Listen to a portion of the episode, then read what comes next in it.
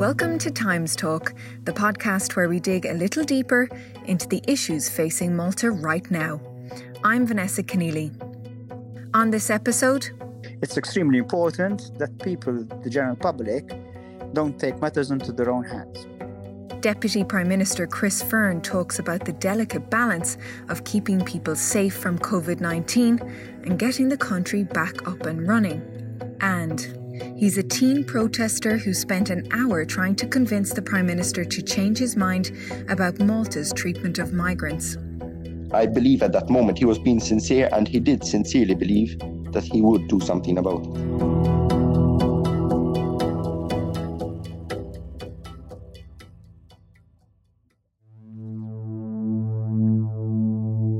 He's described the pandemic as the most challenging situation Malta has had to deal with since the Second World War.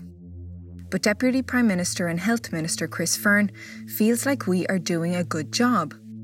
So, does this mean he will ease restrictions and we can all get back to normal? And if so, what will that new normal look like?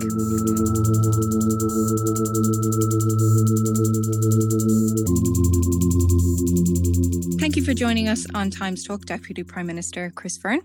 Welcome.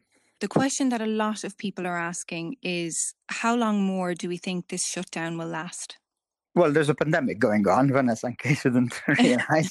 so, so that's we're not. Um, it's not something that we're asking people to do um, out of the goodness of, or the badness of our hearts. It's because there's a pandemic going on, and as long as the pandemic is going on, then we people need to be vigilant and need to social distance themselves from potential patients.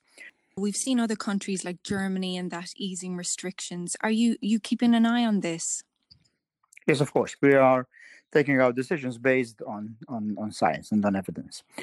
Now, as I say, until there is an effective vaccine and a significantly large amount or proportion of our population is vaccinated, then we have to live with, with the coronavirus.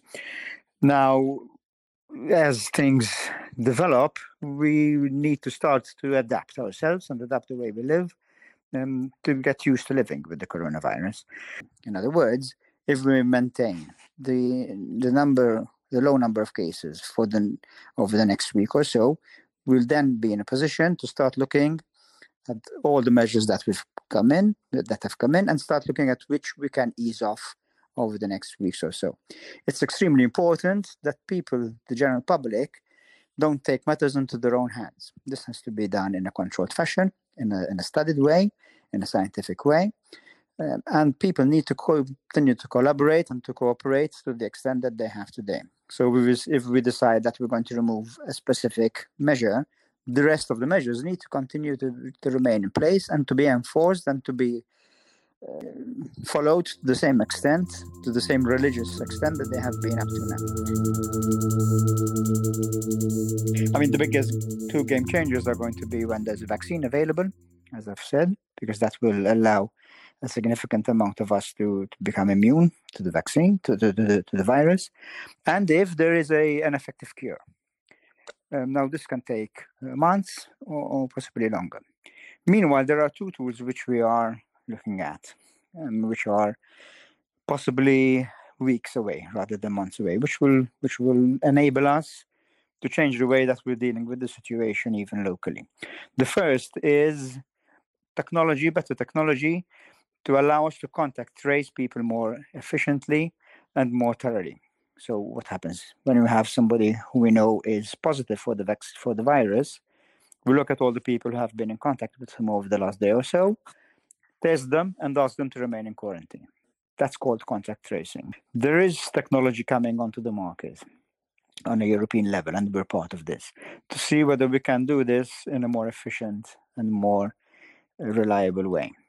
But we need to do this, this contact tracing, the technology needs we need to be sure that this doesn't infringe at all onto our civil liberties, data protection, and our rights as citizens. So we need to make absolutely sure that this technology that is coming onto the market uh, is trustworthy in this sense, um, which is why we're waiting for this to to be validated not just locally but across Europe. The other game changer will be when there are available self-testing or rapid test kits. Now, these are available on the market, but at the moment, we are not sure of their their um, accuracy and their specificity. Do you see that being something that you know will allow flights to open again, or is it more of a local national? No, we're talking about about local the local situation at the moment because we need to have control on on what happens in a significant way. And if we open flights, then we might not have control of what happens in other countries. So we have to have control of what happens locally. Can I ask you, from a personal level, have you ever experienced anything as challenging as this? I don't career? think anybody anybody anywhere in the world has seen anything like this. I mean, my grandparents, had they been alive, would probably compare this to the situation during the Second World War.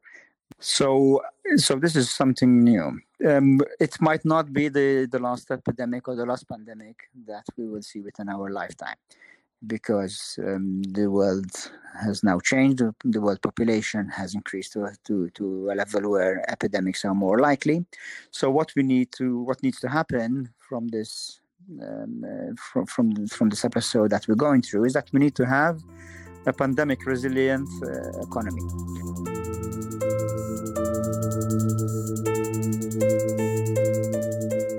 I spoke to Charmaine Gauci earlier this week, and she said she was a bit concerned about the number of people who did not show up for their tests. Are you concerned about the figures being skewed and your knowledge having enough information? The more we test, the better, which is why we've increased our, our testing capacity to over a thousand tests a day, which is um, uh, per capita one of the largest uh, in the world. Um, and as I say, as soon as the rapid testing, the antibody rapid testing is is confirmed to be reliable, then we can increase that by a significant amount. Because as you say, yes, the more we test, the better, because we can find out um, positive cases, isolate them, and quarantine the people around them. So that's that's the mainstay. And that is probably why we've managed to keep the numbers so low because we have been testing to a large degree. Um, of course, this yes re- requires the, the cooperation of the general public. Um, tests are limited, so giving somebody an appointment for a test is is, is an important thing, uh, and people who miss it are not only missing the opportunity for themselves and their families, but also denying the service to other people. So yes, um, we ask people to be responsible and, and most people have been Vanessa. I mean, we've we're, we're testing close to a thousand a day. Um, so yes, we, we we ask people to continue to do this, uh, even in the summer months. This is going to take a few months to to get out of. But if we're disciplined and if we continue to do what we've been doing over the last six or seven weeks, then I think the outcome will be good from a scientific point of view, how concerned are you about a second wave? It's uh, uh, it's a reality that unless we ease up our measures in a controlled fashion, then we will have a second wave for sure. Unless we are vigilant, unless we remain determined until there is a vaccine available, then we will have a second wave. And if we need to go back, if we see that numbers are rising beyond what we what what is acceptable for our healthcare service to be able to cope with, then we will go back to more stringent measures. Still to come. Something sort of snapped inside me, and I couldn't, after Easter Sunday lunch, I couldn't just sit around and not do much. We speak to the 18 year old who's been camping outside Parliament to fight for the rights of migrants.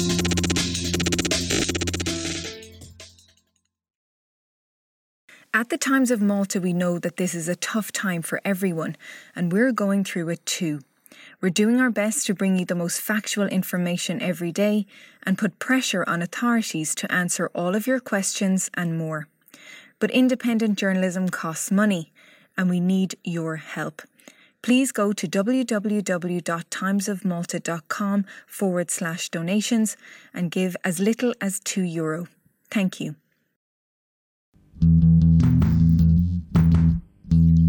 I am here to make my message to the Maltese government clear.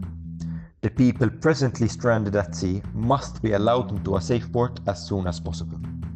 That's Sandru Cassar reading from a statement he read out while camping in front of the office of the Prime Minister. The 18 year old is usually studying agricultural economics in Edinburgh, but flew home to Malta in early March because his college was closing because of COVID 19. He's decided to use the time to protest against the government's treatment of migrants.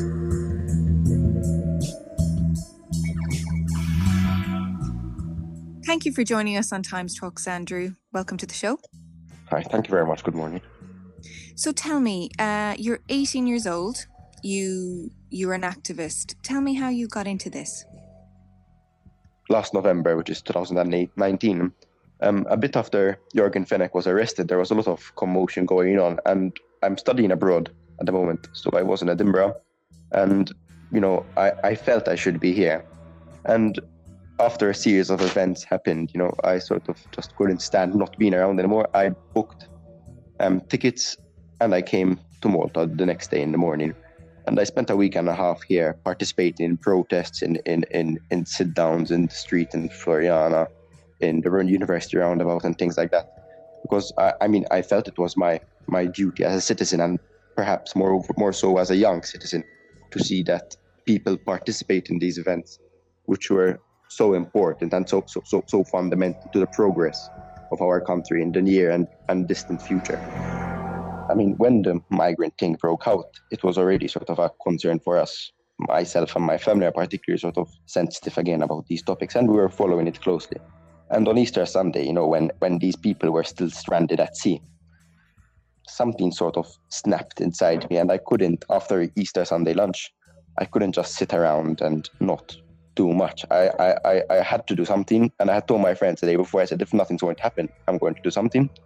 And I, I grabbed my bike and I headed to Castille. I spent a day, a night, and a day at Castille. And on the second on the second day, I spoke to Robert Abela. He asked me into Castille, and we had a quite a long meeting. I would say almost an hour. We the focus was purely on the on the migration what what's happening with these people specifically at sea at that moment when we were speaking. And we, we I, I sort of we talked on two levels. I did a lot. I did most of the talking myself, but the first level was on the political level. And during the political talk, again, it was a very respectful conversation. We understood where each other was, where the other was coming from. But he held his ground very firmly. I tried to explain my points. He countered them however he could, but he wouldn't really shift on that and then I sort of proceeded to talk about the on a personal level, which I think he, which sort of struck a note with him because he listened very attentively, quietly, and sort of understood. I said, "Look, this means so much, not only on a political level, the political implications of this, but even for individuals like me, anyone who feels strongly about this. This is a, another step in the wrong direction for our country." and you risk losing these people, people like me who have opportunities abroad. You know, if if if, if Malta is going to let people die and proceed down the route of having blood on the hands of the Maltese nation, you know, it's not something we want to do. Not on a political level only, but also on a personal level and what it means to us Maltese. And on that, he was very, very sort of um, reflective. He didn't say much. He just sat there, was quiet for a bit, and said, sort of, you'll hear from me. And that's where it ended.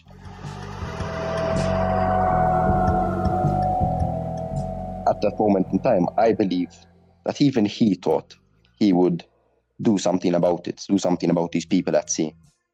I told him, look, you are at college like myself. You should under- understand these things. You should understand where I'm coming from, and I'm sure you do. And it seemed like he did. I was surprised and shocked that he didn't actually allow for these people to disembark in a safe port. I believe that at that point in time, especially during the personal conversation, even he believed that he would do something to it. This is again my take on it. What I think is that when he left that office, when I left that office, and he did not have someone, you know, a face of what I was seeing in front of him, he did not have the political will or strength to execute that decision to save these people. Unfortunately, what happened happened. These people were left at sea. Five died, seven are missing and the remaining 50 or so were returned to Libya. Thank you for listening today. You can, of course, get more information on any of these stories or other national and international news on our website, timesofmalta.com. And if there's any topic you'd like us to investigate, feel free to contact us at the email address timestalk at timesofmalta.com. Goodbye.